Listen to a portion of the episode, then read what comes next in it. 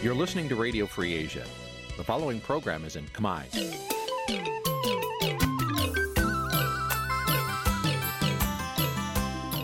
នេះជាកម្មវិធីផ្សាយ Vuthu Azizi Serai នេះជាកម្មវិធីផ្សាយរបស់ Vuthu Azizi Serai ជាភាសាខ្មែរ Vuthu Azizi Serai សូមស្វាគមន៍លោកអ្នកនាងទាំងអស់ពីរដ្ឋធានី Washington នៃសហរដ្ឋអាមេរិក។ ចាប់ពីរដ្ឋធានី Washington នាងខ្ញុំម៉ៃសុធានីសូមជម្រាបសួរលោកអ្នកស្ដាប់ទាំងអស់ជាទីមេត្រីចាយើងខ្ញុំសូមជូនការផ្សាយសម្រាប់ព្រឹកថ្ងៃសុក្រ300ខែផុតបុត្រឆ្នាំឆ្លូវត្រីស័កពុទ្ធសករាជ2565ហើយដល់ត្រូវនៅថ្ងៃទី24ខែកញ្ញាគ្រិស្តសករាជ2021ចាត់ជាដំបូងនេះសូមអញ្ជើញលោកអ្នកនាងកញ្ញាស្ដាប់ព័ត៌មានប្រចាំថ្ងៃដែលមានមេត្តាដូចតទៅ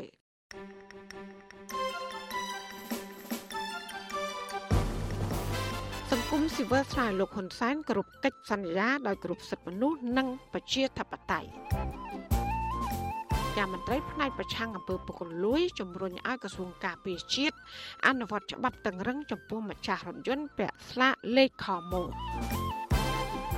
ចាសហរដ្ឋអាមេរិកប្រកាសផ្តល់ជំនួយហិរញ្ញប្បទានថ្មី5លានដុល្លារសម្រាប់អ្នករស់រានមានជីវិតពីរបបខ្មែរក្រហម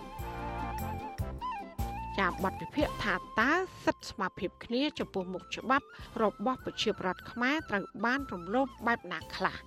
ចារួមនឹងព័ត៌មានផ្សេងផ្សេងមួយចំនួនទៀតចាជាបន្តទៅទៀតនេះនាងខ្ញុំម៉ៃសុធានីសូមជូនព័ត៌មានទាំងនោះពឺស្ដាប់ ចាលោកនានីជាទីមេត្រីក្រុមមន្ត្រីអង្គការសង្គមស៊ីវិលចង់ឃើញរដ្ឋាភិបាលគោរពសិទ្ធិមនុស្សប្រជាធិបតេយ្យនិងបើកលំហបរិយាកាសនយោបាយឲ្យល្អ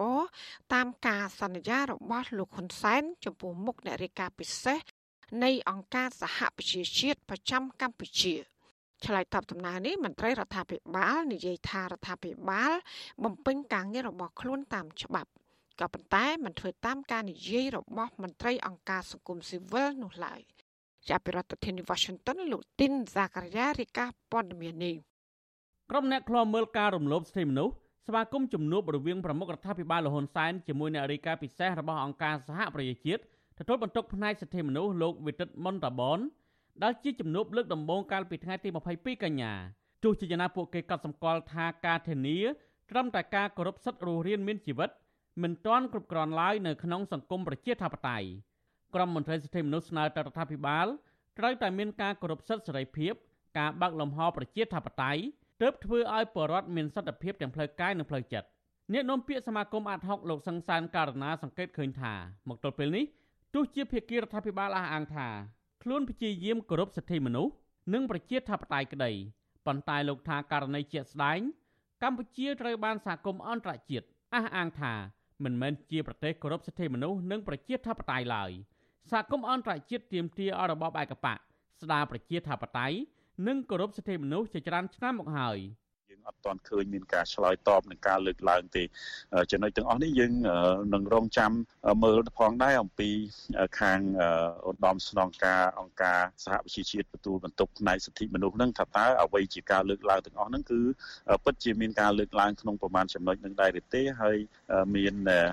ផលវិជ្ជមានរបៀបម៉េចនៅខាងឧត្តមស្នងការនឹងដោយគ្នាដែរនាយករងទទួលបន្ទុកផ្នែកឃ្លាំមើលការរំលោភសិទ្ធិមនុស្សនៃអង្គការសិទ្ធិមនុស្សលីកាដូ លោកអំសំអាតលើកឡើងថា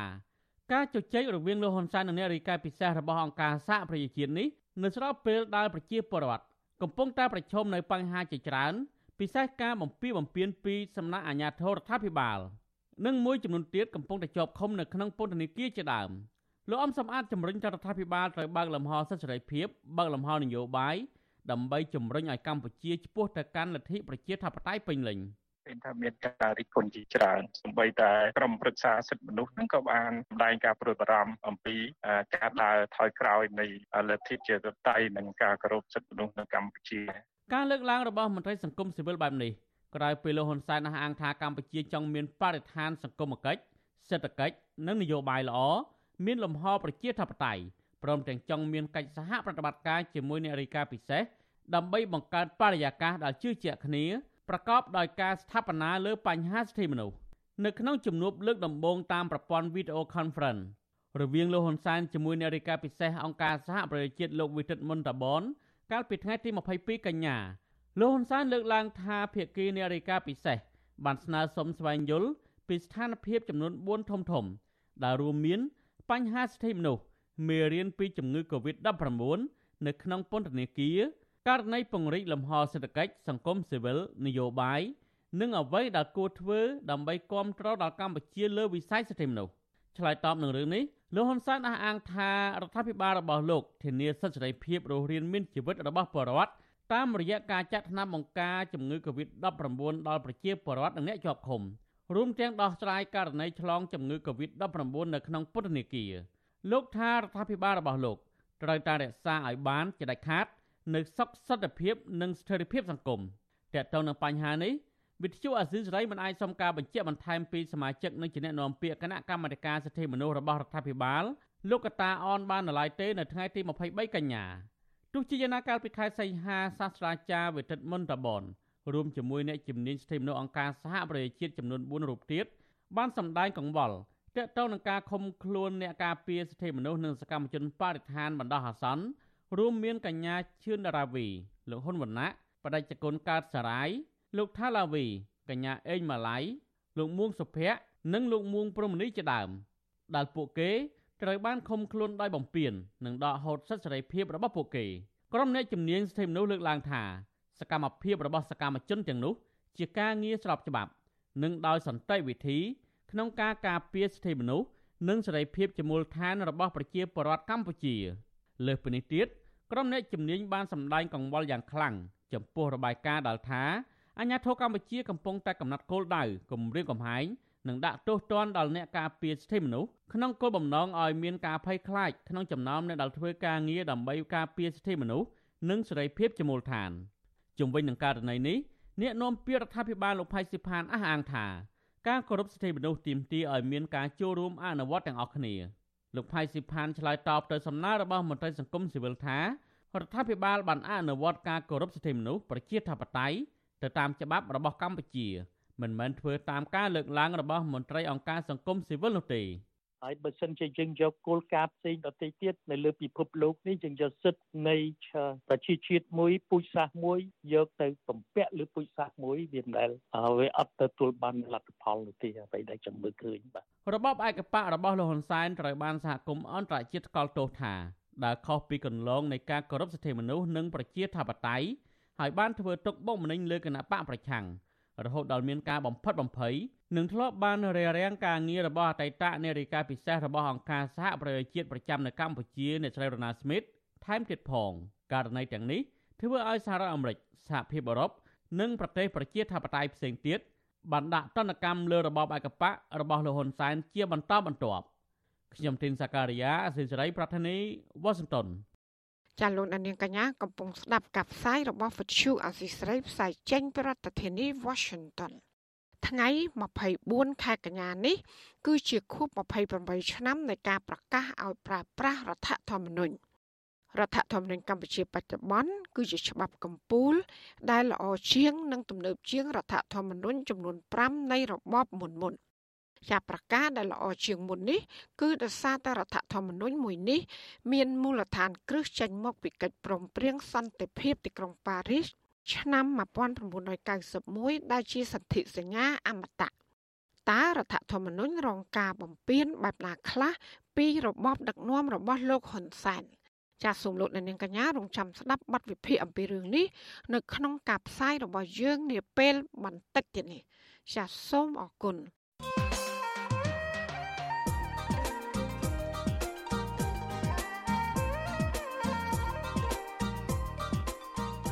ចាលោកនាងជាទីមេត្រីតកតងនឹងខួបលើកទី28នៃការបង្កើតរដ្ឋធម្មនុញ្ញនេះយើងក៏នឹងមាននីតិវិទ្យាអ្នកស្ដាប់វិទ្យុអសីស្រីនៅរាត្រីថ្ងៃសុក្រនេះ ដែលនឹងជជែកថាតើរយៈពេល28ឆ្នាំកន្លងមកនេះការគោរពនិងលើកដំកើងរដ្ឋធម្មនុញ្ញរបស់មេដឹកនាំកម្ពុជាដល់កម្រិតណាខ្លះហើយថាតើបរដ្ឋត្រូវយល់ដឹងពីស្មារតីនៃរដ្ឋធម្មនុញ្ញបែបណា ចាសសូមលោកអ្នកនាងកញ្ញារងចាំស្ដាប់នឹងទស្សនានីតិវេទិកាអ្នកស្ដាប់វិទ្យុអសីស្រីកំបីអាខានចាលោកអ្នកនាងអាចសាកសួរវាគ្មិនរបស់យើងឬក៏បញ្ចេញមតិយោបល់លោកអ្នកអាចដាក់ទូរស័ព្ទនៅក្នុងខ្ទង់ comment Facebook ឬ YouTube ហើយអាស៊ីសេរីដែលកំពុងផ្សាយផ្ទាល់នៅពេលនេះក្រុមការងាររបស់យើងនឹងហៅទៅលោកអ្នកនាងវិញចាសសូមអរគុណ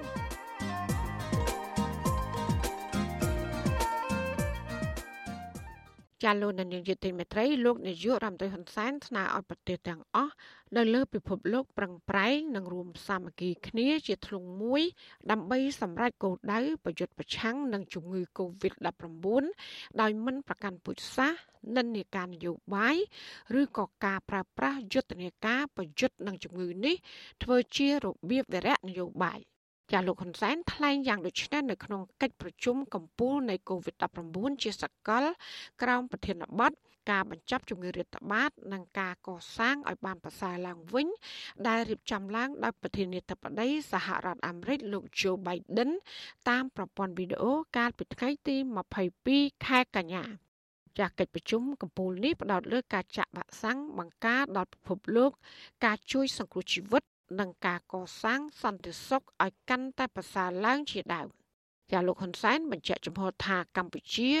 ស្វាគមន៍នៅការកំណត់គោលដៅការចាក់វ៉ាក់សាំងឲ្យបានយ៉ាងតិច70%នៃប្រជាជនពិភពលោក លោកថាកម្ពុជាអំពាវនាវឲ្យមានការកំណត់វ៉ាក់សាំង COVID-19 ទាំងអស់ដែលត្រូវបានទទួលស្គាល់ដោយអង្គការសុខភាពពិភពលោកជាទំនិញយុទ្ធសាស្ត្រដើម្បីជាកលឹះសកល ដោយគ្មានការរើសអើងទៅលើប្រភេទនិងប្រភពនៃវ៉ាក់សាំង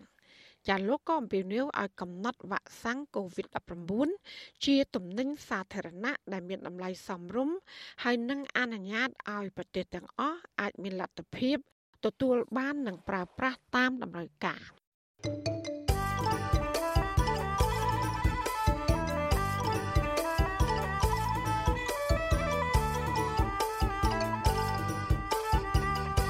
ចាលោកនាងជាទីមេត្រីរដ្ឋាភិបាលសម្រាប់ផ្អាកពិធីបុណ្យកាន់បិណ្ឌដោយចាប់ផ្ដើមពីបិណ្ឌ4តទៅរហូតដល់ថ្ងៃភ្ជុំបិណ្ឌដើម្បីទប់ស្កាត់ការឆ្លងរាលដាលនៃជំងឺ Covid-19 ចាសសេចក្តីសម្រេចរបស់រដ្ឋាភិបាល ដែលបានចេញកាលពីយប់ថ្ងៃទី23ខែកញ្ញាឲ្យដឹងថា ក្នុងរយៈពេល2ថ្ងៃនៃការរៀបចំពិធីកាន់បិណ្ឌកន្លងទៅនេះរដ្ឋាភិបាលពិនិត្យឃើញថាមានការជួបជុំនិងប្រមូលផ្ដុំមនុស្សជាច្រើននៅតាមបណ្ដាវត្តអារាមដើម្បីប្រារព្ធពិធីកាន់បិណ្ឌហើយដែលនេះមិនអាចធានាបាននូវការអនុវត្តត្រឹមត្រូវតាមវិធានការសុវត្ថិភាពផ្នែកសុខាភិបាលដើម្បីទប់ស្កាត់ការឆ្លងរាលដាលនៃជំងឺ Covid-19 ចាសសេចក្តីសម្រេចដដែលបញ្ជាក់ថាបញ្ហានេះអាចធ្វើឲ្យកម្ពុជាប្រឈមនឹងហានិភ័យឬគ្រោះថ្នាក់នៃការឆ្លងរាលដាលនៃជំងឺនេះជាទ្រង់ទ្រាយធំនៅទូទាំងប្រទេស ជាពិសេសគឺមេរោគបំផ្លែងថ្មី Delta ចាសសេចក្តីសម្រេចដដែលឲ្យដឹងទៀតថាគណៈអភិបាលរាជធានីខេត្តត្រូវសម្របសម្រួលធានានាំចង្ហាន់និងតេយ្យវត្ថុចាំបាច់នានាដើម្បីប្រគេនប្រសង់នៅតាមវត្តអារាមនានាដែលស្ថិតនៅក្នុងដែនសមត្ថកិច្ចរបស់ខ្លួនចាននៅជាមួយគ្នានេះរដ្ឋាភិបាលសម្រេចរក្សាទុកការឈប់សម្រាក3ថ្ងៃសម្រាប់ពិធីបុណ្យភ្ជុំបិណ្ឌនៅដដែល ចាតកតងនឹងការឆ្លងរាលដាលនៃជំងឺ Covid-19 វិញអ្នកជំងឺ Covid-19 ចំនួន22អ្នកទៀតបានស្លាប់ហើយដែលនេះធ្វើឲ្យករណីស្លាប់កើនឡើងដល់ជិត2200នាក់កាលពីថ្ងៃទី23ខែកញ្ញាម្សិលមិញចាគិតត្រឹមថ្ងៃទី23ខែកញ្ញាម្សិលមិញកម្ពុជាមានអ្នកកើតជំងឺ Covid-19 ចំនួនជាង1សែនចំនួនជាង1សែននាក់ក្នុងនោះគឺមានអ្នកជាសះស្បើយមានជិត1សែននាក់ ចាក្រសួងសុខាភិបាលប្រកាសថាគិតត្រឹមថ្ងៃទី22ខែកញ្ញារដ្ឋាភិបាល បានចាក់វ៉ាក់សាំងជូនប្រជាពលរដ្ឋបានជាង9លាន8សែននាក់ក្នុងចំណោមអ្នកដែលត្រូវបានចាក់សរុប10លាននាក់ចាចំណែកកុមារនិងយុវជនដែលមានអាយុពី6ឆ្នាំដល់17ឆ្នាំវិញក្រសួងក៏បានប្រកាសថាបានចាក់វ៉ាក់សាំងបានជាង2លាន8សែននាក់ក្នុងចំណោមអ្នកដែលត្រូវចាក់សរុបជិត4លាននាក់ ចាលោកអ្នកស្ដាប់ទទីមេត្រីដែលឡាយតាក់ទងនឹងរឿងពន្ធនាគារវិញអាញាធិបពន្ធនាគារអះអាងថាអតីតមន្ត្រីជាន់ខ្ពស់ក្រសួងយុទ្ធភ័ពលោកសេងសវណ្ណារា កំពុងតែអនុវត្តទោសក្នុងពន្ធនាគារនៅឡើយការលើកឡើងបែបនេះក្រោយពីដែលតុលាការក្រុងភ្នំពេញសម្រាប់ផ្តន្ទាទោសឲ្យលោកជាប់ពន្ធនាគារជាង2ឆ្នាំពាក់ព័ន្ធករណីរំលោភយកដីព្រៃអភិរក្សទំហំជាង1000ហិកតានៅក្នុងខេត្តមណ្ឌលគិរី ចានេះគឺជាសកម្មភាពការពុស្ដាររបស់លោកមានរិទ្ធដូចតទៅមន្ត្រីជាន់ខ្ពស់ពន្ធនាគារឲ្យដឹងថាអតីតមន្ត្រីជាន់ខ្ពស់ក្រសួងយុតិធធលោកសេងសវណ្ណារាកំពុងជាប់ឃុំក្នុងពន្ធនាគារព្រៃសរនៅរាជធានីភ្នំពេញអគ្គនាយករងនឹងជាអ្នកនាំពាក្យអគ្គនាយកដ្ឋានពន្ធនាគារលោកនុតសាវណ្ណាឲ្យដឹងនៅថ្ងៃទី23ខែកញ្ញាថា លោកសេងសវណ្ណារាមិនត្រូវបានដោះលែងស្ងាត់ស្ងាត់ដោយតាមការសង្ស័យរបស់មតិមួយចំនួននោះទេក៏ប៉ុន្តែគាត់កំពុងជាប់ឃុំតាមអំណាចសាក្រមរបស់តុលាការលោកបញ្ជាក់ថាលោកសេងសវណ្ណារាបានប្រឹងទាស់ទៅសាលាធរប្រឆាំងនឹងសារក្រមផ្ដន់ទាទោសគាត់រួចហើយលោកបដិសេធឆ្លើយសំណួរផ្សេងផ្សេងទៀតដោយលោកបញ្ជាក់ថាបញ្ហាទាំងនោះគឺជាកិច្ចការរបស់តុលាការបាទគាត់កំពុងជាប់ពន្ធនាគារតា ចាក់ថាគាត់ជាប់គុកជាប់គុកអញ្ចឹងចង់ឲ្យខ្ញុំនាំទៅមើលហើយគាត់កំពុងប្តឹងតទៅតទៅតែទទួលពាក្យបណ្ដឹងទាស់របស់គាត់ពីសាលាដំបងសាក្រមសាលាដំបងទៅ កាលពីថ្ងៃទី14ខែកញ្ញាកន្លងទៅតុលាការរាជធានីភ្នំពេញបានប្រកាសសារក្រមផ្ដន្ទាទោសអតីតអនុរដ្ឋលេខាធិការក្រសួងយុទ្ធភ័ពលោកសេងសវណ្ណារាឲ្យជាប់ពន្ធនាគាររយៈពេល2ឆ្នាំ6ខែ ដោយចោទប្រកាន់4បទល្មើសផ្សេងៗគ្នានៅក្នុងនោះរួមមានបទរំលោភទ្រព្យសម្បត្តិសាធារណៈរបស់រដ្ឋបទកាន់កាប់អាវុធដោយគ្មានលិខិតអនុញ្ញាតបទសម្លុតកុំឲ្យមានការប្តឹងផ្តល់និងបទឆបោកមានស្ថានទម្ងន់ទោស វិសុយស៊ីស្រីមិនទាន់អាចតាក់ទងแนะនាំពាក្យសាលាដំបូងរាជធានីភ្នំពេញលោកតាំងសុនឡាយដើម្បីសុំការបកស្រាយបំភ្លឺជុំវិញរឿងនេះបាននៅឡើយទេ នៅថ្ងៃទី23ខែកញ្ញាដោយទូរស័ព្ទហៅចូលច្រើនដងតែគ្មានអ្នកទទួលក៏ប៉ុន្តែអ្នកនាំពាក្យសាលាដំបូងរាជធានីភ្នំពេញលោកសុវិទ្យារ៉ាឌីបានប្រាប់សារព័ត៌មានក្នុងស្រុកថាក្រៅពីលោកសេងសវណ្ណារាក៏មានមនុស្ស3នាក់ផ្សេងទៀតជាប់ពាក់ព័ន្ធនឹងបទសំគំនិត បទប៉ះពាល់ដល់កម្មសិទ្ធិនៃទ្រព្យសម្បត្តិសាធារណៈរបស់រដ្ឋនិងបទគំរាមមិនអោយប្តឹងបរិហាដែលបានប្រព្រឹត្តឡើងកាលពីឆ្នាំ2018ដល់ឆ្នាំ2020នៅក្នុងស្រុកកោះញែកខេត្តមណ្ឌលគិរីតកតងករណីនេះមន្ត្រីអង្គការសង្គមស៊ីវិលមើលឃើញថាសេចក្តីសម្រេចរបស់តុលាការក្រុងភ្នំពេញបែបនេះនៅមានកម្រិតស្រាលនៅឡើយបើធៀបទៅនឹងទំហំនៃបទល្មើសឧក្រិដ្ឋព្រៃឈើដែលអតីតមន្ត្រីជាន់ខ្ពស់ក្រសួងយុទ្ធភ័ពរូបនេះបានប្រព្រឹត្ត មន្ត្រីពង្រឹងសិទ្ធិអំណាចសហគមន៍មូលដ្ឋាននៃសមាគមការពារសិទ្ធិមនុស្សអាត6លោកប៉ែនបូណា សង្កេតឃើញថាសំណុំរឿងនេះពាក់ព័ន្ធនឹងអំពើពុករលួយជាចង្កោមរវាងលោកសេងសវណ្ណារា និងអាជ្ញាធរខេត្តមណ្ឌលគិរី ដែលបានខົບខិតគ្នា ធ្វើពាក្យស្នើសុំកាន់កាប់ដីព្រៃអភិរក្សទំហំជាង1000ហិកតា លោកបញ្ជាក់ថាការធ្វើពាក្យស្នើសុំកាន់កាប់ដីធ្លី ដែលមានទំហំធំធេងបែបនេះដោយមានចុះហត្ថលេខារបស់អាជ្ញាធរមូលដ្ឋាន រហូតដល់អភិបាលខេត្តផងនោះគឺជារឿងខុសច្បាប់ក៏ប៉ុន្តែលោកថាតឡាកាមិនបានស៊ើបអង្កេតនិងផ្ដន់ទាទោសអាជ្ញាធរពាក់ព័ន្ធនឹងករណីនេះនៅឡើយទេ បើចឹងស្រាវជ្រាវអស់បើមិនស្រាវជ្រាវអស់ដើម្បីយកមកផ្លន់ទាទោសទេយុតិធម៌ពិតជាមិនអាចទទួលយកបានវាអាចជះឥទ្ធិពលទៅក្នុងសង្គមវាធ្វើឲ្យគំរូអាក្រក់ហ្នឹងវាបន្តកើតមានទៀតពីព្រោះជាប់តែពី3នាក់ហើយអ្នកដែលប្រព្រឹត្តហ្នឹងគឺថាជាប្រព័ន្ធអញ្ចឹងវាមិនធ្វើឲ្យមន្ត្រីឬមួយក៏មនុស្សគ្រប់ច្បាប់ទេមានន័យថានឹងបន្តរឿងនឹងបន្តទៀតហើយហើយសង្គមនៅតែជួបនៅអំពើពុករលួយវិសុយអ៊ីស្រាអែលមិនអាចតាក់ទងមេធាវីការពីក្តីឲ្យលោកសេងសវណ្ណារាដើម្បីសាកសួររឿងនេះបាននៅឡើយទេកាលពីថ្ងៃទី2ខែមករាឆ្នាំ2019អភិបាលខេត្តមណ្ឌលគិរីលោកស្វាយសមៀងបានចុះហត្ថលេខាឯកភាពលើពាក្យស្នើសុំកាន់កាប់ដីធ្លីមួយកន្លែងទំហំជិត1000ហិកតាទៅឲ្យបុគ្គលឈ្មោះសេងសវណ្ណារាស្ថិតនៅក្នុងឃុំអ4លើស្រុកកោះញែកខេត្តមណ្ឌលគិរីនិងដីមួយកន្លែងទៀតនៅភូមិពូយ៉ាមឃុំសែនមនោរមស្រុកអូរាំងដែលមានទំហំ300ហិកតា លើពីនេះទៀតមានដីមួយកន្លែងផ្សេងទៀតមានទំហំជាង400ហិកតាស្ថិតនៅក្នុងភូមិពូរាំងឃុំសែនមនោរមស្រុកអូរាំងមានហត្ថលេខាត្រឹមមេភូមិក៏ត្រូវបានឯកភាពធ្វើលិខិតស្នើសុំកាន់កាប់ដីធ្លីទៅឲ្យបុគ្គលឈ្មោះសេងសវណ្ណារាផងដែរប៉ុន្តែក្រោយមក បន្ទាប់ពីផ្ទុះការតវ៉ានិងរិះគន់ខ្លាំងពីសំណាក់ប្រជាសហគមន៍ជនជាតិដើមភាគតិច50គ្រួសារអភិបាលខេត្តមណ្ឌលគិរីលោកស្វាយសមៀង បានលុបចោលការទទួលសិទ្ធិកាន់កាប់ដីធ្លីនេះវិញដោយលើកហេតុផលថាដីនោះស្ថិតនៅក្នុងតំបន់អភិរក្សគ្រប់គ្រងដោយក្រសួងបរិស្ថានទីប្រឹក្សាបណ្ដាញសហគមន៍ជនជាតិដើមភាគតិចភ្នងខេត្តមណ្ឌលគិរីលោកគ្រឿងតុលាចាត់ទុកសេចក្តីសម្រេចរបស់តុលាការនេះថាជាសញ្ញាប្រមានមួយដល់អ្នកមានអំណាចនិងមន្ត្រីកម្ពូលកម្ពូលនៅក្នុងជួររដ្ឋាភិបាលកុំឲ្យពាក់ព័ន្ធទៅនឹងការរំលោភយកដីព្រៃអភិរក្សរបស់រដ្ឋក៏ប៉ុន្តែក្នុងពេលជាមួយគ្នានេះលោកស្នើដល់រដ្ឋាភិបាល ត្រូវតែបង្ហាញដំណាភាពនិងធ្វើរបាយការណ៍ជាក់លាក់ថាតើដីដែលត្រូវបានដកហូតទាំងនោះរដ្ឋបានយកមកអភិរក្សវិញឬបែងចែកឲ្យបុគ្គលណាមួយឲ្យប្រកាសស្របពេលដែលពលរដ្ឋក្រីក្រពិតប្រាកដនៅតែខ្វះខាតដីរស់នៅ និងដីធ្វើកសិកម្មចិញ្ចឹមជីវិតបើសិនជារាជរដ្ឋបាលបានដកដីនឹងជាបកលមករដ្ឋវិញត្រូវបង្ហាញជាគេថាតម្លាភាពជារបាយការណ៍មួយដ៏ជាក់លាក់ តើគូបែងចែកទៅខាងណាទៅប្រជាពលរដ្ឋឬទៅវិនិយោគត្រូវបង្ហាញជាក់លាក់មួយឬទៅអង្គការណាមួយអញ្ចឹងណាអញ្ចឹងមូលហេតុអីបានជាយើងឃើញកន្លងមកគឺដកដកដកដកប៉ុន្តែមិនដឹងថាដីនឹងដាក់នៅទីណាຕົកនៅណាអញ្ចឹងណាអញ្ចឹងយើងពិបាកក្នុងការទទួលយកដែរកាលពីចុងខែសីហាឆ្នាំ2019លោកនាយរដ្ឋមន្ត្រីហ៊ុនសែនបានបញ្ជាឲ្យដកតំណែងអនុរដ្ឋលេខាធិការក្រសួងយុទ្ធភ័ពលោកសេងសវណ្ណារាក្រោយពីរកឃើញថាមន្ត្រីជាន់ខ្ពស់ក្រសួងយុទ្ធភ័ពរូបនេះ ជាប់ពាក់ព័ន្ធទៅនឹងអំពើរំលោភយកដីព្រៃអភិរក្សទំហំជាង1000ហិកតាស្ថិតនៅក្នុងខេត្តមណ្ឌលគិរី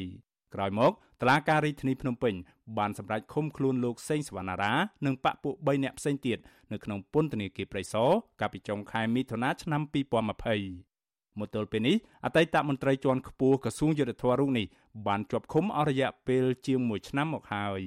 ខ្ញុំបាទមេរិត Visual C ស្រីរាយការណ៍ពីរដ្ឋធានី Washington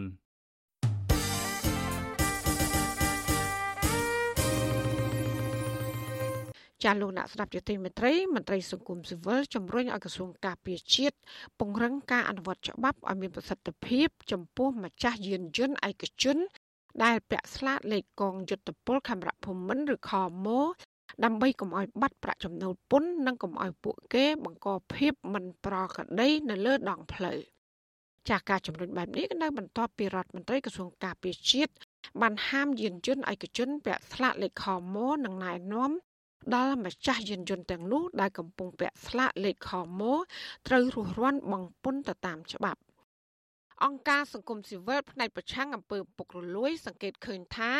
ករណីយានយន្តឯកជនពាក់ស្លាកលេខខមដើម្បីគេចវេះពីការបង់ពន្ធនិងអាងអំណាចនៅតែកើតឡើងច្រើន ហើយពិបាកដោះស្រាយដោយសារតែបញ្ហាអំពើពុករលួយ។ ចានាយកប្រតិបត្តិអង្គការដំឡាភិបកម្ពុជាលោកពេជ្រពិសីមានប្រសាសន៍ថាក្រសួងកាពិជាតិគួរតែលុបបំបាត់ករណីបុគ្គលឯកជន ប្រើប្រាស់រថយន្តពាក់ស្លាកលេខរដ្ឋព្រោះថាករណីនេះធ្វើឲ្យសាធារណជនភ័ន្តច្រឡំនិងបង្កើតភាពមិនស្មើគ្នា ចំពោះការប្រើប្រាស់រថយន្តជាពិសេសគឺធ្វើឲ្យបាត់បង់ចំណូលជាតិ ចាលើកពីនេះលោកពិនិត្យឃើញថាកន្លងមកមានការរិះគន់ជាច្រើន ចំពោះម្ចាស់រថយន្តឯកជនមួយចំនួនអាងស្លាកលេខខមបង្កភាពភ័យខ្លាចឬក៏គំរាមកំហែងដល់អ្នកធ្វើដំណើរនៅលើដងផ្លូវសាធារណៈដែលធ្វើឲ្យប៉ះពាល់ដល់កិត្តិយសនិងសេចក្តីថ្លៃថ្នូររបស់ក្រសួងហើយនិងស្ថាប័នរដ្ឋ ខ្ញុំគិតថាបើសិនជាគេប្រើទីផ្សេងនៅក្នុងការទទួលបានសិទ្ធិហ្នឹងគឺគឺមានពាក់ព័ន្ធនឹងរឿងភាពបន្តក្តីផ្សេងផ្សេងទី1ទី2គឺប្រកាសជាមានការស៊ីសំណុកសោកប៉ាន់ហើយដើម្បីអ្នកហ្នឹងមានសិទ្ធិប្រើផ្លាកលេខរដ្ឋនឹងឯងហើយកន្លែងហ្នឹងឯងដែលធ្វើឲ្យសាធារណជនគាត់មានការខឹងសម្បាហើយគាត់រួចបារម្ភព្រោះជនការមានការប្រើប្រាស់ផ្លាកលេខហ្នឹងទៅជាជនបរទេសទៅទៀតបាទហើយកន្លែងហ្នឹងគឺពិបាកមែនទែនបរិយាកាសនៃការប្រើប្រាស់ហ្នឹងធ្វើឲ្យជាបរដ្ឋខ្លាចហើយជនជាតិបរទេសមិនគួរមានសិទ្ធិប្រើផ្លាកលេខរដ្ឋទេបាទចានាយកប្រតិបត្តិអង្គការដំឡាភិបកម្ពុជារូបនេះយល់ថាវិធានការប្រមូលពន្ធនិងការហាមរថយន្តឯកជនមិនឲ្យពាក់ស្លាកលេខរដ្ឋនេះគឺជារឿងល្អហើយអាចធ្វើបានដោយជោគជ័យប្រសិនបើក្រសួងការពារជាតិនិងស្ថាប័នជំនាញពាក់ព័ន្ធអនុវត្តច្បាប់ទៅស្មើភាពគ្នានិងមិនមានការលើកលែង កុំឲ្យមានស្តង់ដារ2មានន័យថាបើយើងដាក់ហាត់បែបហ្នឹងទៅដល់បងប្អូនដែលគាត់ធ្លាប់ប្រើផ្លាកលេខហ្នឹងជាទូទៅហើយយើងមិនគួរឲ្យមានការលើកលែងទេបើមិនចឹងទេតែតែមានបរិយាកាសនឹងកើតឡើងទៀតហើយខ្ញុំគិតថារឿងចំណេញគឺយើងមានច្រើនទីមួយយើងកើនជំនឿសាធារណៈទី2គឺយើងដឹងថាកាលណាបងប្អូនគាត់បង់ពន្ធយើងបានចំណូលជូនរដ្ឋបាទចូលថវិកាជាតិយើងយើងអាចប្រើប្រាស់លុយហ្នឹងជាប្រយោជន៍ប៉ុន្តែយើងត្រូវតែធ្វើរឿងហ្នឹងឲ្យម្ដងហ្នឹងឲ្យចប់តែម្ដងឲ្យមានបញ្ហានឹងកើតឡើងជាបន្តបន្តទៀតហើយឆ្នាំក្រោយឆ្នាំក្រោយយើងត្រូវចេញគៀនការថ្មីទៀតហើយខ្ញុំការលើកឡើងរបស់អង្គការសង្គមស៊ីវិលនេះគឺនៅបន្ទាប់ពីរដ្ឋមន្ត្រីក្រសួងការពារជាតិលោកធាបាញ់កាលពីថ្ងៃទី20ខែកញ្ញា បានចេញសារាចរណែនាំដល់ម្ចាស់យានយន្តឯកជន ដែលកំពុងជ្រកក្រោមស្លាកលេខខមត្រូវរស់រាន់ទៅបំពេញកាតព្វកិច្ចពន្ធនិងអាករនាំចូលស្របច្បាប់ហើយនឹងប័ណ្ណបញ្ញត្តិស្ដីពីគយ ក្រៅពីនេះលោកក៏បានហាមរថយន្តឯកជន បំពាក់ស្លាកលេខខម៉ូនិងតម្រូវឲ្យយានយន្តគ្រប់ប្រភេទដែលពាក់ស្លាកលេខពិសេសនេះត្រូវតែបដូរចង្កូតពីស្ដាំមកឆ្វេងយ៉ាងយូរត្រឹមដំណាច់ខែមិថុនាឆ្នាំ2022ដើម្បីជៀសវាងការប្រឈមផ្លូវច្បាប់ចាលោកទាបាញ់បញ្ជាក់ថាចំពោះយានយន្តឯកជន ដែលពាក់ស្លាកលេខខមឲ្យបានទៅបំពេញកាតព្វកិច្ចពន្ធក្រសួងការពារជាតិនិងរក្សាទុកឲ្យប្រើប្រាស់ជាធម្មតាប៉ុន្តែក្នុងករណីយានយន្តឯកជនពាក់ស្លាកលេខខមមិនបានទៅបំពេញកាតព្វកិច្ចពន្ធក្រសួងការពារជាតិនិងនារីកស្លាកលេខនោះដោយស្វ័យប្រវត្តិជាបច្ចុប្បន្នស៊ីស្រីមិនទាន់អាចតតងសុំការឆ្លើយតបរឿងនេះបន្ថែម ពីរដ្ឋមន្ត្រីក្រសួងការពារជាតិលោកទាបាញ់និងអ្នកនាំពាក្យក្រសួងការពារជាតិលោកឈុំសុជាតិបាននៅឡើយទេនៅថ្ងៃទី23ខែកញ្ញាជាតកតងករណីនេះដែរនាយកប្រតិបត្តិអង្គការសម្ព័ន្ធកណន័យភាពសង្គមកម្ពុជាលោកសនជ័យលើកឡើងថាការអនុវត្តវិធានការប្រមូលពន្ធផ្សេងផ្សេងពីម្ចាស់រថយន្តឯកជនដែលពាក់ស្លាកលេខខម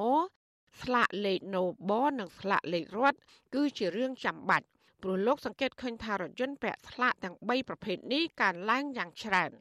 លោកបន្តថាចំពោះករណីមានរថយន្តកិច្ចពន្ធចូលដល់ក្នុងប្រទេសកម្ពុជា នៅបន្តកើតមាននេះគឺឆ្លោះបញ្ចាំងឲ្យឃើញពីអំពើពុករលួយរបស់មន្ត្រីត្រួតពិនិត្យការនាំចូលរថយន្តនៅតាមច្រកព្រំដែនជាមួយនឹងប្រទេសជិតខាងកុំឲ្យមានបន្តតទៅទៀតខ្ញុំគិតថារថយន្តធនធ្ងន់របស់ក្រសួងការវិជាតិរបស់ប៉ូលីសជាដើមហ្នឹងគួរតែប្រើស្លាកលេខ រត់ទៅហើយលុបបំបត្តិស្លាកលេខខមនិងណបនឹងចោលតែម្ដងទៅកុំឲ្យនៅមុខស្មាញបន្តទៀតណាធ្វើបែបនេះធ្វើឲ្យកម្ពុជាឃើញតែស្លាកលេខពីរប្រភេទទេស្លាកលេខស៊ីវិលហើយនិងស្លាកលេខរត់ធ្វើអញ្ចឹងស្រួលគ្រប់គ្រងហើយនឹងអាចនឹងឈានទៅដល់ការលុបបំបត្តិនៅការដែលមានរថយន្តកិច្ចពន្ធណា បច្ចុប្បន្នការប្រើប្រាស់រថយន្តនិងតូចចក្រយានយន្តអត់ពន្ធដែលមានពាក់ស្លាកលេខខេមរៈភូមិន្ទនិងស្លាកលេខនគរបាលផងនោះគឺមានទាំងជនស៊ីវិលនិងមន្ត្រីរាជការព្រមទាំងជនជាតិចិនខ្លះផង ពួកគេកំពុងប្រើប្រាស់យានជំនិះទាំងនោះជាមធ្យោបាយធ្វើដំណើរជាលក្ខណៈគ្រួសារក្នុងនោះម្ចាស់យានយន្តមួយចំនួនមិនសូវគ្រប់ច្បាប់ចរាចរណ៍នោះទេ ហើយខ្លះទៀតតែងតែគំរាមកំហែងឬក៏កិច្ចពីការទទួលខុសត្រូវនៅពេលដែលមានគ្រោះថ្នាក់ចរាចរណ៍កើតឡើង។ ចាក់កន្លងមករដ្ឋាភិបាលលោកហ៊ុនសែនក៏ធ្លាប់បានដាក់ចេញវិធានការជាច្រើនលើកដែរដើម្បីបង្ក្រាប និងឲ្យម្ចាស់រថយន្តដែលជ្រកក្រោមស្លាកលេខខមនិងណូបបងពុននិងផ្លាស់ប្ដូរទៅប្រើស្លាកលេខធម្មតាវិញប៉ុន្តែអ្នកខ្លំមើលវាតម្លៃថាវិធានការទាំងនោះ គឺប្រាជ័យជាបន្តបន្ទាប់ដោយសារតែការអនុវត្តច្បាប់ធ្វើឡើងតែមួយឆាវដូចជាភ្លើងចំបើង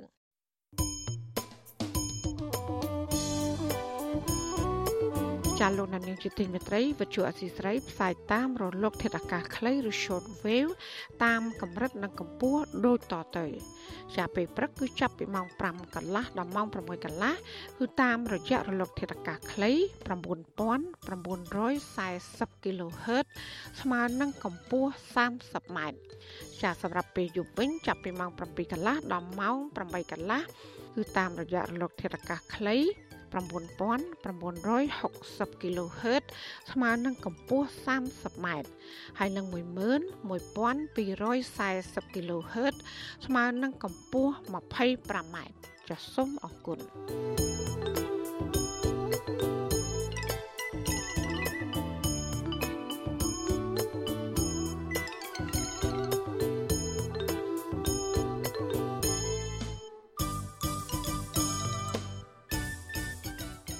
ចាលោកនាងជាទីមេត្រីទីភ្នាក់ងារជំនួយអាមេរិកប្រចាំកម្ពុជា ប្រកាសជំនួយហិរញ្ញប្បទានបន្ថែមចំនួនទឹកប្រាក់5លានដុល្លារអាមេរិកដើម្បីលើកកម្ពស់សិទ្ធិនិងការធ្វើឲ្យប្រសើរឡើងនៅស្ថានភាពសុខភាពរបស់អ្នកដែលរស់រានមានជីវិតពីរបបខ្មែរក្រហមហើយដែលគ្រប់គ្រងដោយមជ្ឈមណ្ឌលឯកសារកម្ពុជា។ ចាហេរញ្ញប្បទានបន្ថែមនេះនឹងធ្វើសកម្មភាពប្រតិបត្តិការមានតម្លៃសរុបចំនួន6លាន5សែនដុល្លារចាឯកអគ្គរដ្ឋទូតសហរដ្ឋអាមេរិកប្រចាំកម្ពុជា លោក Patrick Murphy ថ្លែងក្នុងសេចក្តីប្រកាសព័ត៌មាន កាលពីថ្ងៃទី23ខែកញ្ញាថារដ្ឋាភិបាលអាមេរិកបដិញ្ញាលើកកម្ពស់សន្តិភាពនិងការផ្សះផ្សាជាតិតាមរយៈការចងចាំអំពីប្រវត្តិសាស្ត្រខ្មែរក្រហម ចាក់គម្រោងនេះនឹងជួយឲ្យអ្នករស់រានមានជីវិត ពីរបបខ្មែរក្រហមប្រើប្រាស់សេវាថែទាំសុខភាព និងសិក្សាស្រាវជ្រាវអំពីស្ថានភាពរបស់ពួកគេ ទាំងផ្នែកសុខភាព សង្គមនិងសេដ្ឋកិច្ចព្រមទាំងបទពិសោធន៍នានាផងដែរ។ ចានាយកប្រតិបត្តិមជ្ឈមណ្ឌលឯកសារកម្ពុជាលោកឆាំងយុឲ្យដឹងថាសោកនាដកម្មនិងភាពអយុត្តិធម៌របស់ប្រជាពលរដ្ឋខ្មែរក្នុងរបបខ្មែរក្រហមមានទំហំធំធេងណាស់គឺมันអាចបំភ្លេចបានឡើយចាលោកបន្តថាកម្មវិធីនេះមានអ្នកស្ម័គ្រចិត្តចំនួន500នាក់ដើម្បីបំពេញការងារជួយដល់អ្នកដែលរស់រានមានជីវិតពីរបបខ្មែរក្រហមនៅក្នុងភូមិស្រុករបស់ពួកគេ ចាបន្ថែមពីនេះលោកថាផែនការសកម្មភាពថ្មីទាំងនេះ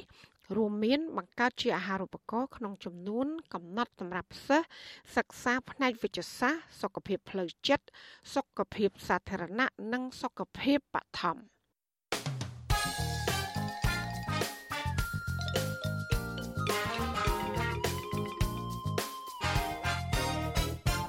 ចាលោកនាងកញ្ញាកំពុងស្ដាប់ការផ្សាយរបស់វិទ្យុអាស៊ីស្រីដែលផ្សាយចេញពីរដ្ឋធានី Washington នៃសហរដ្ឋអាមេរិក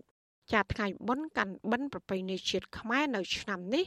នៅតាមទីវត្តអារាមទូទាំងប្រទេសភាគច្រើន មានសភាពស្ងប់ស្ងាត់ខុសពីឆ្នាំមុនមុនតើមូលហេតុអ្វីបានជានៅវត្តអារាមខ្លះមិនមានពុទ្ធបរិស័ទធ្វើបុណ្យគ្រប់វេន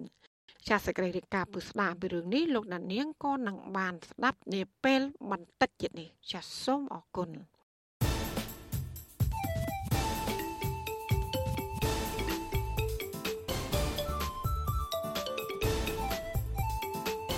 បាត់វិភាគ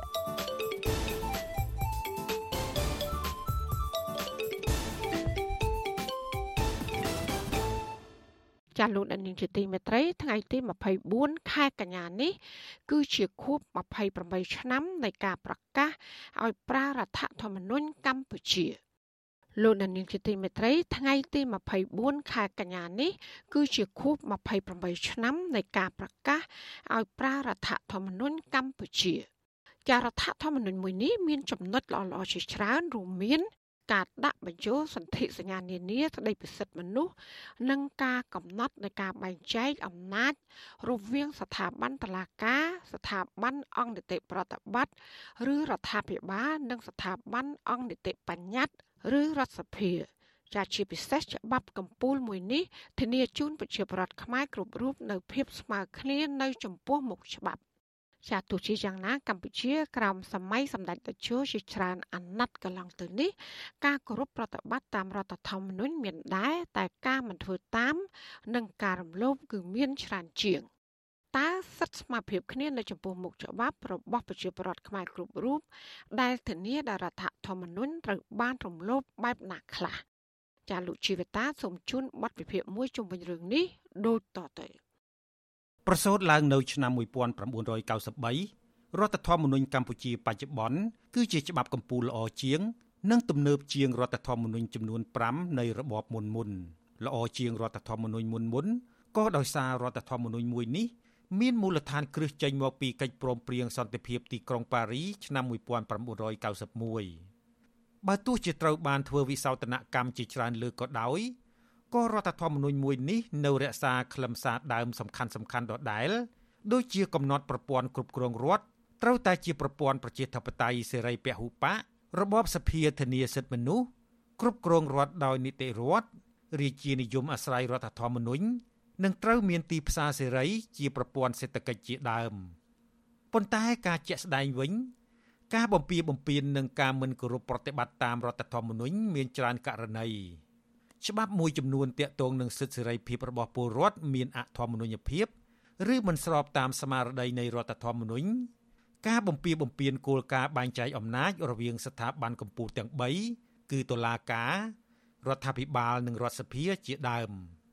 ការរំលោភបញ្ញត្តិនានាដែលមានចែងក្នុងរដ្ឋធម្មនុញ្ញនេះហើយបណ្ដាលឲ្យស្ថាប័នរដ្ឋាភិបាលមានអំណាចច្រើនលើសលប់គ្របដណ្ដប់លើអំណាចតុលាការនិងអំណាចរដ្ឋសភា ប្រការនេះបានធ្វើឲ្យបាត់បង់តុល្យភាពអំណាចនិងការត្រួតពិនិត្យគ្នា រវាងស្ថាប័នរដ្ឋកម្ពុជាទាំង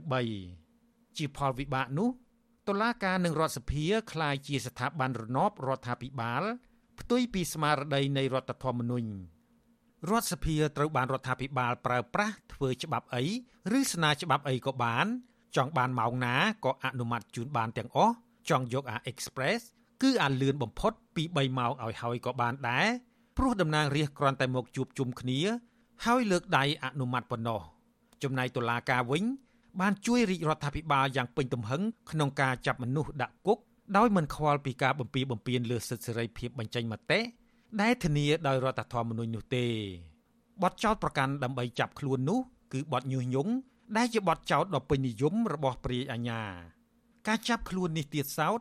បានរៀលដាលពីអ្នកនយោបាយអ្នកការពារភូកទ្របជាតិ រហូតដល់កសិករពីព្រោះព្រាយអាញាក្រមយុគសម័យដេជោមើលឃើញស្អីក៏ជាបទញុះញង់ដែរសូម្បីតែកសិករចិញ្ចឹមមាន់និយាយលេងថាលោកចង់ទិញម៉ាស់ឲ្យមាន់ពាក់កុំឲ្យពួកវាជ្រួលច្របល់ក៏ចាប់ដាក់គុកហើយកសិករផ្លែមៀននិយាយថាហេតុអ្វីបានជាអាញាធរមិនមកទិញផ្លែមៀនរបស់គាត់ដោយការសន្យាក៏ត្រូវចាប់ដាក់គុកដែរពលរដ្ឋខ្មែរទូទៅទំនងជាឆ្ងល់ថា ហេតុអ្វីបានជារដ្ឋអំណាចញៀននឹងការចាប់មនុស្សម្លេះព្រោះសូម្បីតែការនិយាយស្ដីធម្មតា ភាសាយ៉ាងសាមញ្ញរបស់កសិករបែបនេះក៏ចាប់ញាត់គុកដែរបញ្ហារំលោភរដ្ឋធម្មនុញ្ញមួយទៀតដែលខ្ញុំនឹងលើកយកមកជម្រាបជូនលម្អិតនៅក្នុងអត្ថបទនេះគឺសិទ្ធិស្មើគ្នានៅចំពោះមុខច្បាប់មាត្រា31នៃរដ្ឋធម្មនុញ្ញចែងថាប្រជាពលរដ្ឋខ្មែរមានភាពស្មើគ្នាចំពោះមុខច្បាប់ មានសិទ្ធិសេរីភាព និងករណីយកិច្ចដូចគ្នាទាំងអស់ ឥតមានការប្រកាន់ពូជសាសន៍ពណ៌សម្បុរភេទភាសាជំនឿសាសនានិន្នាការនយោបាយដើមកំណើតជាតិឋានៈសង្គមធនធានឬស្ថានភាពឯទៀតឡើយរយៈពេលជាច្រើនឆ្នាំចុងក្រោយនេះមាត្រា31នៃរដ្ឋធម្មនុញ្ញនេះកាន់តែរងការបំពៀបំពៀនឡើងអ្នកវិភាគនយោបាយនិងសង្គមបណ្ឌិតឡាវម៉ុងហៃក៏សម្គាល់ថាការរំលោភសិទ្ធិទាំងនេះ បណ្ដាលឲ្យមានការបែងចែកសង្គមជាពីរគឺក្រុមមនុស្សវិសាមញ្ញឬមនុស្សពិសេសដែលនៅលើច្បាប់ និងក្រុមមនុស្សសាមញ្ញដែលនៅក្រោមច្បាប់ មានសំណុំរឿងជាច្រើនដែលបញ្ជាក់ថា ការសង្កេតរបស់បណ្ឌិតឡាវម៉ុងហៃជាការពិតពលគឺអុកញ៉ាមហាសេដ្ឋីអ្នកមានអំណាច ឬញាតិមិត្តរបស់អ្នកមានអំណាច គឺជាក្រុមវិសាមញ្ញជាមនុស្សពិសេសដែលទទួលបានការយកចិត្តទុកដាក់ល្អប្រសើរពីរដ្ឋអំណាច ជាក់ស្ដែងនៅពេលក្រុមមនុស្សវិសាមញ្ញទាំងនេះប្រព្រឹត្តល្មើសច្បាប់តុលាការតែងបទកាច់កោងមេត្រាច្បាប់ដើម្បីជួយដល់ពួកគេឲ្យរួចពីការទទួលទោសទណ្ឌឬឲ្យទទួលទោសស្រាលឬទោសទណ្ឌជានិមិត្តរូបជាដើមឧទាហរណ៍សំណុំរឿងជួញដូរគ្រឿងញៀនរាប់សិបគីឡូក្រាមរបស់ម្ចាស់ក្លឹបកំសាន្ត Rock គឺអុកញ៉ាមហាសេដ្ឋីគិតធៀងនៅដើមឆ្នាំ2019 ការចាប់ខ្លួនអុកញ៉ាគិតធៀងដែលត្រូវជាបងប្រុសបង្កើតរបស់អុកញ៉ាគិតម៉េងជាមហាសេដ្ឋីស្និទ្ធនឹងលោកនាយករដ្ឋមន្ត្រីហ៊ុនសែននេះធ្វើឲ្យសាធារណជនកោតសរសើរដល់អាញាធរកាន់តែល្អទៅទៀតនោះសាលាដំបងរាជធានីភ្នំពេញ នៅថ្ងៃទី20ខែមីនាឆ្នាំ2020បានចេញសារក្រមកាត់ទោសអុកញ៉ាគិតធៀងឲ្យជាប់ពន្ធនាគាររយៈពេល4ឆ្នាំ ពីបទចាត់ចែងសម្របសម្រួលឲ្យប្រើប្រាស់សារធាតុញៀន និងសំគំនិតពាក់ព័ន្ធករណីគ្រឿងញៀនជិត50គីឡូក្រាមប៉ុន្តែពួកគេខកចិត្តទៅវិញ នៅពេលសាលាឧទ្ធរសម្រេចឲ្យអុកញ៉ាគិតធៀងមានសេរីភាពឡើងវិញសាលាឧទ្ធរដែលកម្រសម្រាប់របៀបនេះលើសំណុំរឿងអ្នកទោសមនសិការនោះកាលពីខែឧសភាឆ្នាំ2021បានកាត់ទោសតម្រឹមឲ្យអុកញ៉ាគិតធៀងអនុវត្តទោសត្រឹមតែ2ឆ្នាំរីឯទោសដែលនៅសល់2ឆ្នាំទៀតត្រូវព្យួរ សំណុំរឿងរបស់អុកញ៉ាគិតធៀងមានបញ្ហាផ្លូវច្បាប់មួយចំនួន ដែលគួរលើកយកមកសិក្សា ទី1ថ្មីត្បិតតុលាការកាត់ទោសឲ្យអុកញ៉ាគិតធៀងជាប់ពន្ធនាគារ4ឆ្នាំមែនតែអុកញ៉ារូបនេះជាក់ស្ដែង លោកមិនដែលជាប់នៅក្នុងពន្ធនាគារនោះទេលោកត្រូវបានឃុំខ្លួនក្នុងមន្ទីរឃុំឃាំងរាជធានីភ្នំពេញពេស៊ីរយៈពេលប្រមាណកន្លះខែប៉ុណ្ណោះក្រោយពេលសមត្ថកិច្ចចាប់ខ្លួនលោក ក្នុងរយៈពេលជិត2ឆ្នាំដំបូងមុនសាលាឧទ្ធរសម្រាប់ព្យួរទោសនោះលោកគិតធៀងត្រូវបានអនុញ្ញាតឲ្យរស់នៅយ៉ាងសុខស្រួលក្នុងបន្ទប់ VIP ម៉ាស៊ីនត្រជាក់ក្នុងមន្ទីរពេទ្យមិត្តភាពខ្មែរសូវៀតឬមន្ទីរពេទ្យរុស្ស៊ីឯណោះទី2បញ្ហាអនុវត្តច្បាប់រើសអើងស្តង់ដារ2ឬមិនស្មើគ្នាក្នុងសំណុំរឿងលោកគិតធៀងតែមួយក្រៅពីទណ្ឌិតគិតធៀងហើយនេះក៏មានជនជាប់ចោតប្រមាណ30នាក់ផ្សេងទៀត ដែលត្រូវបានតុលាការផ្តន្ទាទោសហើយកំពុងជាប់ក្នុងពន្ធនាគារនៅឡើយពួកគេមិនទទួលបានការយកចិត្តទុកដាក់ពិសេសពីរដ្ឋអំណាច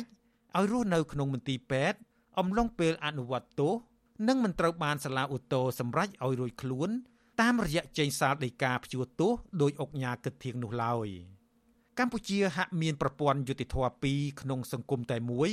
គឺអ្នកមានមាសប្រាក់មានអំណាចអធិបុលអាចរួចផុតពីសំណាញ់ច្បាប់ រីឯក្រុមមនុស្សក្រខ្សត់គ្មានបាក់ពួកត្រូវស្ថិតក្នុងសំណាញ់ច្បាប់ករណីអុកញ៉ាគិតធៀងមានទោសត្រូវដេកគុកតែបែរជាបានដេកនៅមន្ទីរពេទ្យវិញនេះក៏មានសំណុំរឿងជាច្រើនទៀតដែលអ្នកជាប់ឃុំឈឺពិតតែមិនត្រូវបានអនុញ្ញាតឲ្យសម្រាប់ព្យាបាលនៅមន្ទីរពេទ្យរហូតបណ្ដាលឲ្យអ្នកជំងឺស្លាប់ទៀតផងក៏មានឧទាហរណ៍ករណីទារិកាអាយុ5ខែម្នាក់ដែលជាប់ឃុំនៅគុកព្រៃសរជាមួយម្ដាយ បានស្លាប់នៅមន្ទីរពេទ្យរុស្ស៊ីកាលពីថ្ងៃទី26ខែមករាឆ្នាំ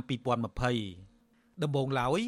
នៅពេលនាងត្រូវបានបញ្ជូនទៅមន្ទីរពេទ្យរុស្ស៊ីលើកទី1គ្រូពេទ្យរកឃើញថាទារិការូបនោះបាក់ឆ្អឹងផ្លូវម្ខាង ហើយក៏បញ្ជូននាងឲ្យទៅព្យាបាលនៅមន្ទីរពេទ្យកុមារជាតិដែលនៅទីនោះគ្រូពេទ្យបានមើលព្យាបាលប៉ុន្តែបដិសេធមិនទទួលឲ្យសម្រាប់ព្យាបាលនៅក្នុងមន្ទីរពេទ្យ បើទោះជាមានការស្នើសុំពីបុគ្គលិកពន្ធនាគារក្តីដោយមន្ទីរពេទ្យសំអាងថាខ្វះក្រែទាំងម្ដាយទាំងកូនត្រូវបានបញ្ជូនឲ្យទៅដេកក្នុងគុកវិញ មួយសប្តាហ៍ក្រោយមកទារិកាធ្លាក់ខ្លួនឈឺធ្ងន់មន្ត្រីពន្ធនាគារបាននាំម្ដាយនិងកូនទៅមន្ទីរពេទ្យកុមារជាតិម្ដងទៀតគ្រូពេទ្យនៅទីនោះពិនិត្យមើលទារិកាមួយផ្លែតហើយណាត់ឲ្យមកជួបទៀតក្នុងរយៈពេល3សប្តាហ៍ដោយមិនទទួលឲ្យសម្រាកទៀត នៅថ្ងៃទី25មករាគណៈស្ថិតក្នុងគុកព្រៃសរទារិកាអាយុ5ខែនេះចាប់ផ្ដើមពិបាកដកដង្ហើម ហើយបាត់បង់ស្មារតីគ្រូពេទ្យក្នុងពន្ធនាគារចាប់ផ្ដើមដាក់សារ៉ូមហើយនាំត្រឡប់ទៅមន្ទីរពេទ្យរុស្ស៊ីម្ដងនេះខាងមន្ទីរពេទ្យបានអនុញ្ញាតឲ្យទាំងម្ដាយទាំងកូន ស្នាក់នៅព្យាបាលទីនោះប៉ុន្តែជំងឺរបស់នាងបានឈានដល់ដំណាក់កាលធ្ងន់ធ្ងរទៅហើយនាងបានស្លាប់នៅថ្ងៃបន្ទាប់ គឺថ្ងៃទី26មករាឆ្នាំ2020គ្រូពេទ្យមន្ទីរពេទ្យរុស្ស៊ីបញ្ជាក់ថាទារិកាអាយុ5ខែនេះស្លាប់ដោយសារជំងឺរលាកសួត និងខ្វះអាហារូបត្ថម្ភធ្ងន់ធ្ងរទារិកាអាយុ5ខែដែលស្លាប់នេះនាងរស់នៅក្នុងគុកជាមួយម្ដាយរបស់នាង ដែលរងចាំការជំនុំជម្រះក្តី តាំងពីពាក់កណ្ដាលឆ្នាំ2019ជាប់ចោតពីបទកាន់កាប់ថ្នាំញៀនមេតាំហ្វេតាមីនមួយកញ្ចប់តូច ដែលមានតម្លៃស្មើនឹង10000រៀលឬ2ដុល្លារ5កាក់បើប្រៀបធៀបជាមួយសំណុំរឿងគ្រឿងញៀនជិត50គីឡូក្រាមរបស់អុកញ៉ាគិតធៀងខុសគ្នាដូចមេឃនឹងដី ទាំងបត់ល្មើសទាំងស្ថានទម្ងន់ទោសប៉ុន្តែបែរជាអុកញ៉ារូបនេះអាចរស់នៅក្រៅពន្ធនាគាររីឯទីរក់អាយុ5ខែ ខ្វះការយកចិត្តទុកដាក់ពីរដ្ឋអំណាចទៅវិញករណីតុលាការយកចិត្តទុកដាក់ពិសេសដល់អ្នកមានលុយអ្នកមានអំណាច តែតឹងតែងចំពោះអ្នកក្រទុនខ្សោយ អ្នកគ្មានអំណាចគ្មានបពពួកនេះមិនមែនមានតែករណីអុកញ៉ាគិតធៀងម្នាក់ប៉ុណ្ណោះទេករណីលេចធ្លោស្រដៀងគ្នានេះមួយទៀតគឺសំណុំរឿងរបស់អុកញ៉ាថោងសារ៉ាត់អុកញ៉ាថោងសារ៉ាត់ត្រូវបានតុលាការក្រុងភ្នំពេញសម្រាប់ឃុំខ្លួននៅថ្ងៃទី17មេសាឆ្នាំ2015និងក្រោយមកផ្ដន្ទាទោសឲ្យជាប់ពន្ធនាគារអស់មួយជីវិតដោយជាប់ចោទពីបទឃាតកម្មគិតទុកជាមុន ក្នុងសំណុំរឿងបាញ់សម្លាប់អុកញ៉ាអឹងម៉េងជឺដែលជាថៅកែស៊ីម៉ងត្បូងពេជ្រកាលពីថ្ងៃទី22ខែវិច្ឆិកាឆ្នាំ2014ថ្មីត្បិតមានទោសឧក្រិដ្ឋហើយត្រូវបានកាត់ទោសឲ្យជាប់ពន្ធនាគារអស់មួយជីវិតក៏ដោយក៏ភាកច្រើនបំផុតនៃពេលវេលាអនុវត្តទោសពីពេលចាប់ខ្លួនក្នុងខែមេសាឆ្នាំ2015រហូតដល់ដើមខែវិច្ឆិកាឆ្នាំ2019លោកថោងសារ៉ាត់មិនបានរស់នៅក្នុងពន្ធនាគារទេ លោកទទួលបានសិទ្ធិពិសេសឲ្យរស់នៅក្នុងមន្ទីរពេទ្យរុស្ស៊ីក្នុងបន្ទប់ម៉ាស៊ីនត្រជាក់ស្ថិតនៅក្បែរខុនដូកំពុងសាងសង់របស់លោករហូតដល់ខែមេសាឆ្នាំ2017នៅពេលដែលលោកបានផ្លាស់ប្ដូរទៅនៅមន្ទីរពេទ្យព្រះកុសមៈដែលមានបន្ទប់ឯកជនទំនើបផ្ទាល់ខ្លួនរស់យ៉ាងសុខស្រួលទៀតផងជាប់ទោសឧក្រិដ្ឋតែមានសេរីភាពរស់នៅក្រៅគុកប៉ុណ្ណេះហើយនៅមិនទាន់គ្រប់គ្រាន់ទេសម្រាប់អ្នកមានលុយមានអំណាចរូបនេះ នៅថ្ងៃទី6ខែវិច្ឆិកាឆ្នាំ2019សាលាឧទ្ធរបានជួយឲ្យលោកមានសេរីភាពឡើងវិញ ដោយបានដោះលែងលោកថោងសារ៉ាត់ឲ្យនៅក្រៅឃុំ ដោយសំអាងថាជនជាប់ចោទរូបនេះ មានសុខភាពទ្រុឌទ្រោមនិងសំណុំរឿងមានភាពស្មុគស្មាញដែលត្រូវការស៊ើបអង្កេតបន្ថែម ការប្រើឆន្ទៈអនុគ្រោះសណ្ដោសប្រណីរបស់តុលាការនេះកម្រអនុវត្តចំពោះសំណុំរឿងសកម្មជនការពារសិទ្ធិមនុស្ស ឬសកម្មជនតស៊ូមតិណាស់ជាក់ស្ដែងមេសហជីពលោករងឈុនដែលត្រូវបានតុលាការកាត់ទោសឲ្យជាប់ពន្ធនាគារ2ឆ្នាំ ដោយសារនិយាយពីបញ្ហាព្រំដែនកម្ពុជាវៀតណាម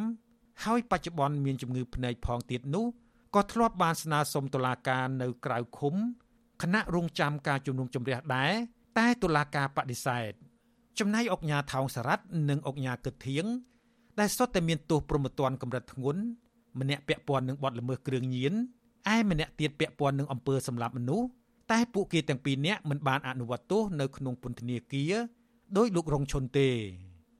ករណីរដ្ឋអំណាចនិងតុលាការអនុវត្តច្បាប់ស្តង់ដារ2ឬមិនស្មើភាពគ្នាក្នុងរឿងព្រហ្មទណ្ឌនេះនៅមានទៀតសំណុំរឿងលេចធ្លោមួយទៀតគឺករណីហិង្សាស្រោចទឹកអាស៊ីតលើតារាចម្រៀងខារ៉ាអូខេកញ្ញាតាតម៉ារីណា ដែលជន់ល្មើសគឺលោកស្រីខួនសុផល និងប៉ាក់ពួកកាលពីឆ្នាំ1999នៅទីក្រុងភ្នំពេញព្រោះរឿងស្នេហាត្រីកោណផ្ទៃមុខស្រស់ផូផង់របស់កញ្ញាតាតម៉ារីណា ដែលពេលនោះមានវ័យ16ឆ្នាំត្រូវបំផ្លាញខ្ទេចខ្ទីទាំងស្រុងដោយទឹកអាស៊ីតក្រោមសម្ពាធរបស់មជ្ឈដ្ឋានជាតិនិងអន្តរជាតិជនល្មើសខុនសផល ដែលត្រូវជាប្រពន្ធរបស់មន្ត្រីជាន់ខ្ពស់នៃទីស្តីការគណៈរដ្ឋមន្ត្រី គឺលោកស្វាយសិដ្ឋា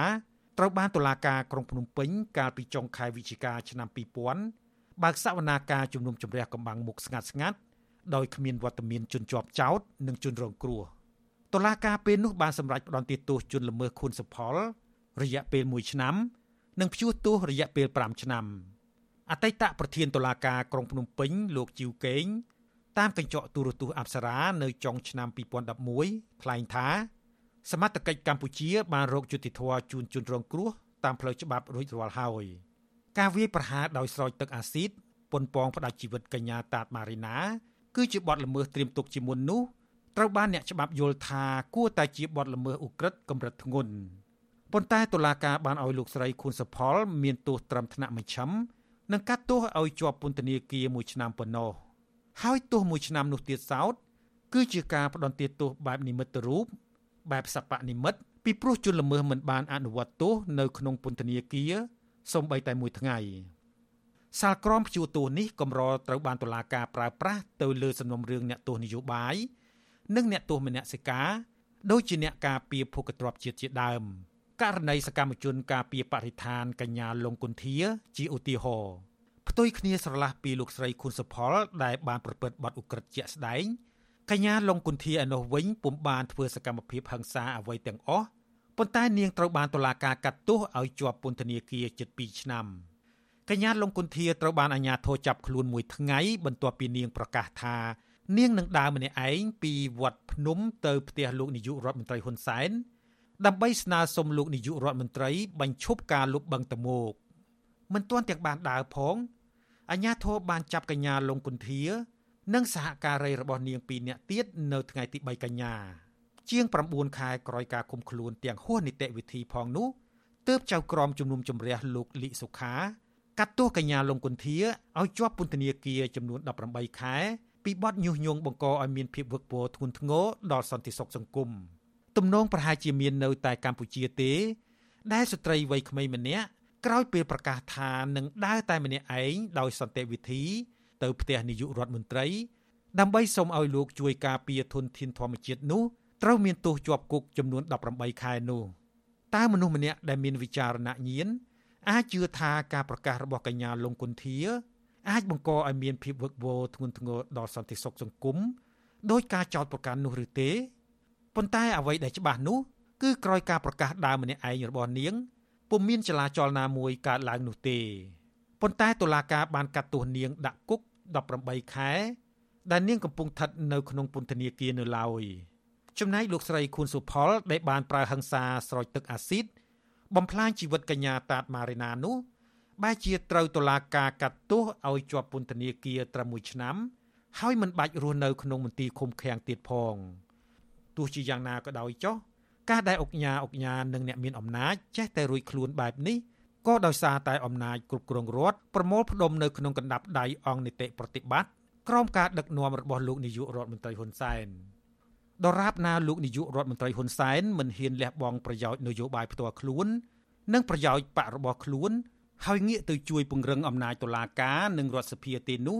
ការអនុវត្តច្បាប់ស្តង់ដារ2ឬភាពមិនស្មើគ្នានៅចំពោះមុខច្បាប់នឹងនៅមានយូរអង្វែងទៅមុខទៀតខ្ញុំជីវិតាអាស៊ីសេរី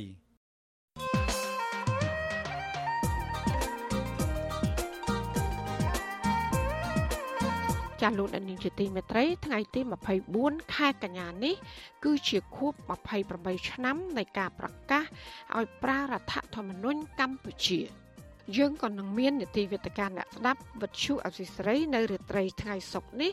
ដែលនឹងជជែកថាតើរយៈពេល28ឆ្នាំកន្លងមកនេះការគោរពនិងលើកដំកើងរដ្ឋធម្មនុញ្ញរបស់មេដឹកនាំកម្ពុជា ដល់កម្រិតណាខ្លះហើយថាតើបរដ្ឋត្រូវយល់ដឹងពីស្មារតីនៃរដ្ឋធម្មនុញ្ញបែបណាចាសសូមលោកអ្នកនាងកញ្ញារងចាំស្ដាប់និងទស្សនានីតិវិទ្យាអ្នកស្ដាប់វិទ្យុអសីស្រីកុំបីអាខាន ចាលោកដានៀងអាចសាកសួរវាគ្មិនរបស់យើងឬក៏បញ្ចេញមតិយោបល់លោកអ្នកអាចដាក់ទូរស័ព្ទនៅក្នុងខ្ទង់ comment Facebook ឬ YouTube ហើយអាស៊ីសេរីដែលកំពុងផ្សាយផ្ទាល់នៅពេលនេះ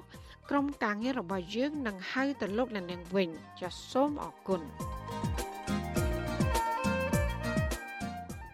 លោកនានីជាទីមេត្រីថ្ងៃបុណ្យកាន់បិណ្ឌប្រពៃណីជាតិឆ្នាំនេះនៅតាមទីវត្តអារាមនានាទូទាំងប្រទេសភាគច្រើន គឺមានសភាពស្ងប់ស្ងាត់ខុសពីឆ្នាំមុនមុន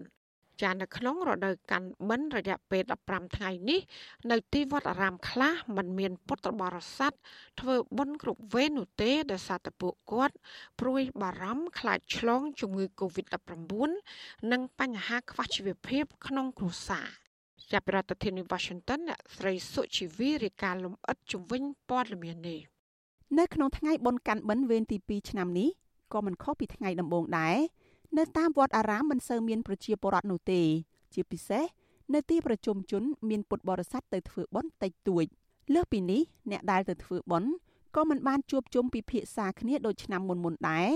ដោយពលរដ្ឋភៀកច្រើនទៅរាប់បាត និងដុតធូបឧទ្ទិសកុសលផលបុណ្យ ដល់បុព្វការីជនដែលបានចែកឋានហើយក៏នាំគ្នាត្រឡប់ទៅផ្ទះវិញព្រោះខ្លាចឆ្លងជំងឺ Covid-19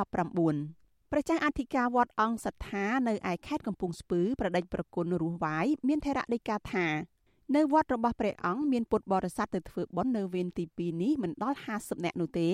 គឺខុសពីឆ្នាំមុនមុនដែលមានមនុស្សច្រើនកុះកជារៀងរាល់ថ្ងៃបន្ថែមពីនេះចង្ហាន់ព្រះសង្ឃក៏មិនសូវសម្បូរហូរហៀដែរ ព្រះអង្គបន្តថាពុទ្ធបរិស័ទភាគច្រើនអុជធូបរាប់បាតឧទ្ទិសកុសលផលបុណ្យដល់ជីដូនជីតារួចហើយក៏ត្រឡប់ទៅផ្ទះវិញភ្លាមភ្លាមតែម្ដងខ្លះហ្នឹងក៏បាយដំណរនឹងចាក់ទៅទៅផ្ទះវិញទៅហើយដល់ពេលទៅផ្ទះខ្លះនឹងក៏នៅទៅមកកាយហើយយ៉ាងទៅធម្មតាយ៉ាងទៅបើឆាន់ពេលវិញពេលអីអត់អីទេគ្រូអត់មានអីទេ ប៉ុន្តែគ្រាន់តែចែកថាអត់វិញអត់អីទេវាមានការខ្វះខាតដែរណានៅក្នុងវត្តហ្នឹងវាអត់មានណាមកហ្នឹងដាំបាយអីខ្លួនឯងចឹងទៅចាប់ពីថ្ងៃកាន់បិណ្ឌវេនទី1មក ប្រជាពលរដ្ឋភៀកច្រើន នៅមិនទាន់បានទៅធ្វើបុណ្យនៅតាមទីវត្តអារាមនៅឡើយទេដោយពួកគាត់ខ្លាចឆ្លងជំងឺ Covid-19 និងមានជីវភាពខ្វះខាតផង ប្រជាសហគមន៍ដីធ្លីនៅភូមិលបពីងខេត្តកំពង់ឆ្នាំងលោកស្ងួនញឿនថ្លែងថាប្រជាពលរដ្ឋនៅក្នុងសហគមន៍របស់លោកមិនទាន់បានធ្វើបុណ្យកាន់បិណ្ឌនៅឡើយទេព្រោះឆ្នាំនេះពួកគាត់រកប្រាក់ចំណូលមិនបានដូចឆ្នាំមុនមុនឆ្នាំនេះគឺដោយសារតែយើងមិនមាន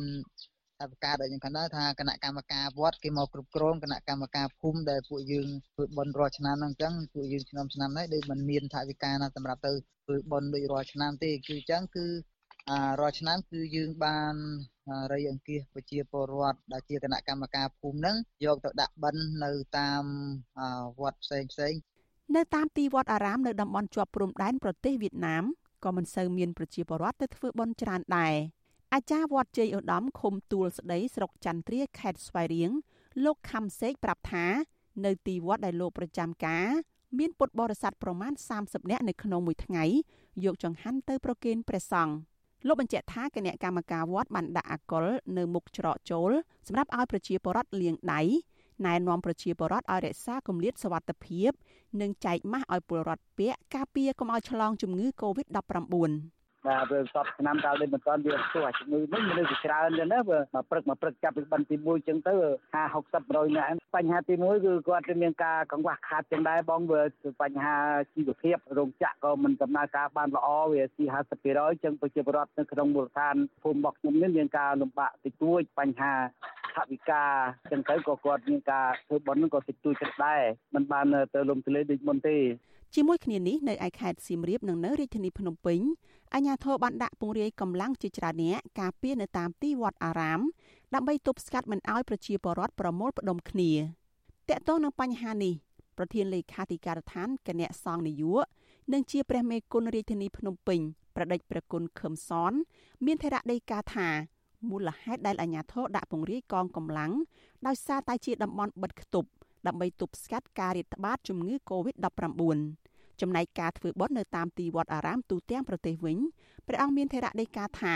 ចាប់ពីថ្ងៃកាន់បិណ្ឌវេនទី1មក មានសភាពស្ងប់ស្ងាត់ជាងឆ្នាំមុនមុនជាពិសេសក្នុងរាជធានីភ្នំពេញ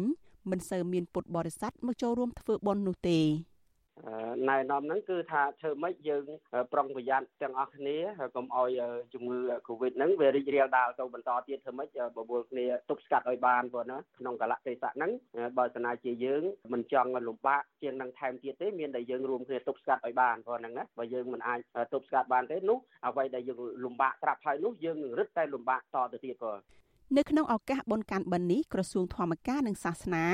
បានចេញសេចក្តីណែនាំដល់គ្រប់វត្តអារាម ត្រូវអនុវត្តឲ្យបានខ្ជាប់ខ្ជួន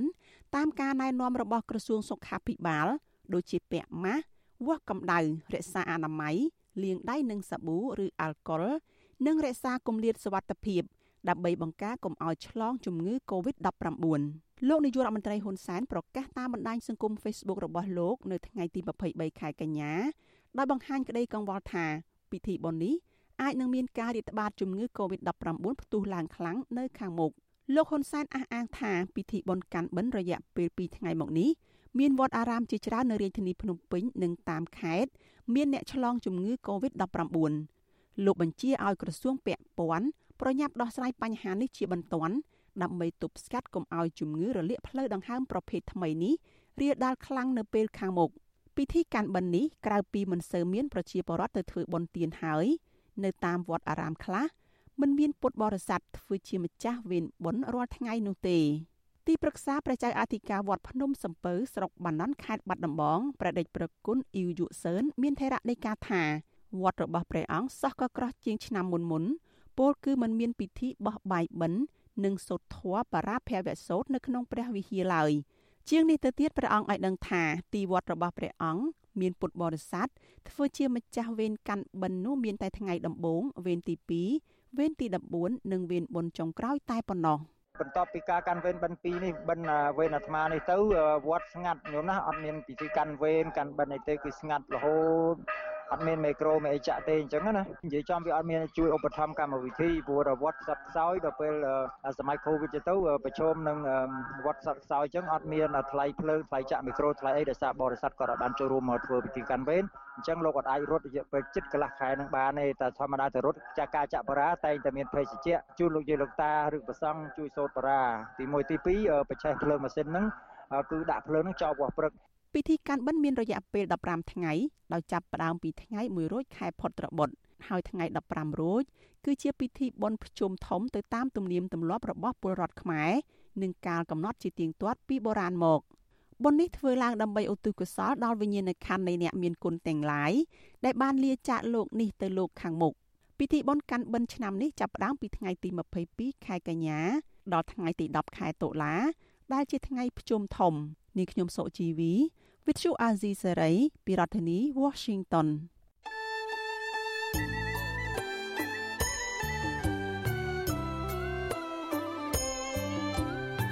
ចាលោកនាងកញ្ញាអ្នកស្ដាប់យុតិមេត្រីកັບផ្សាយរយៈពេល1ម៉ោងនៃវិទ្យុអាស៊ីសេរីជាភាសាខ្មែរនៅពេលនេះចាប់តែប៉ុណ្ណេះ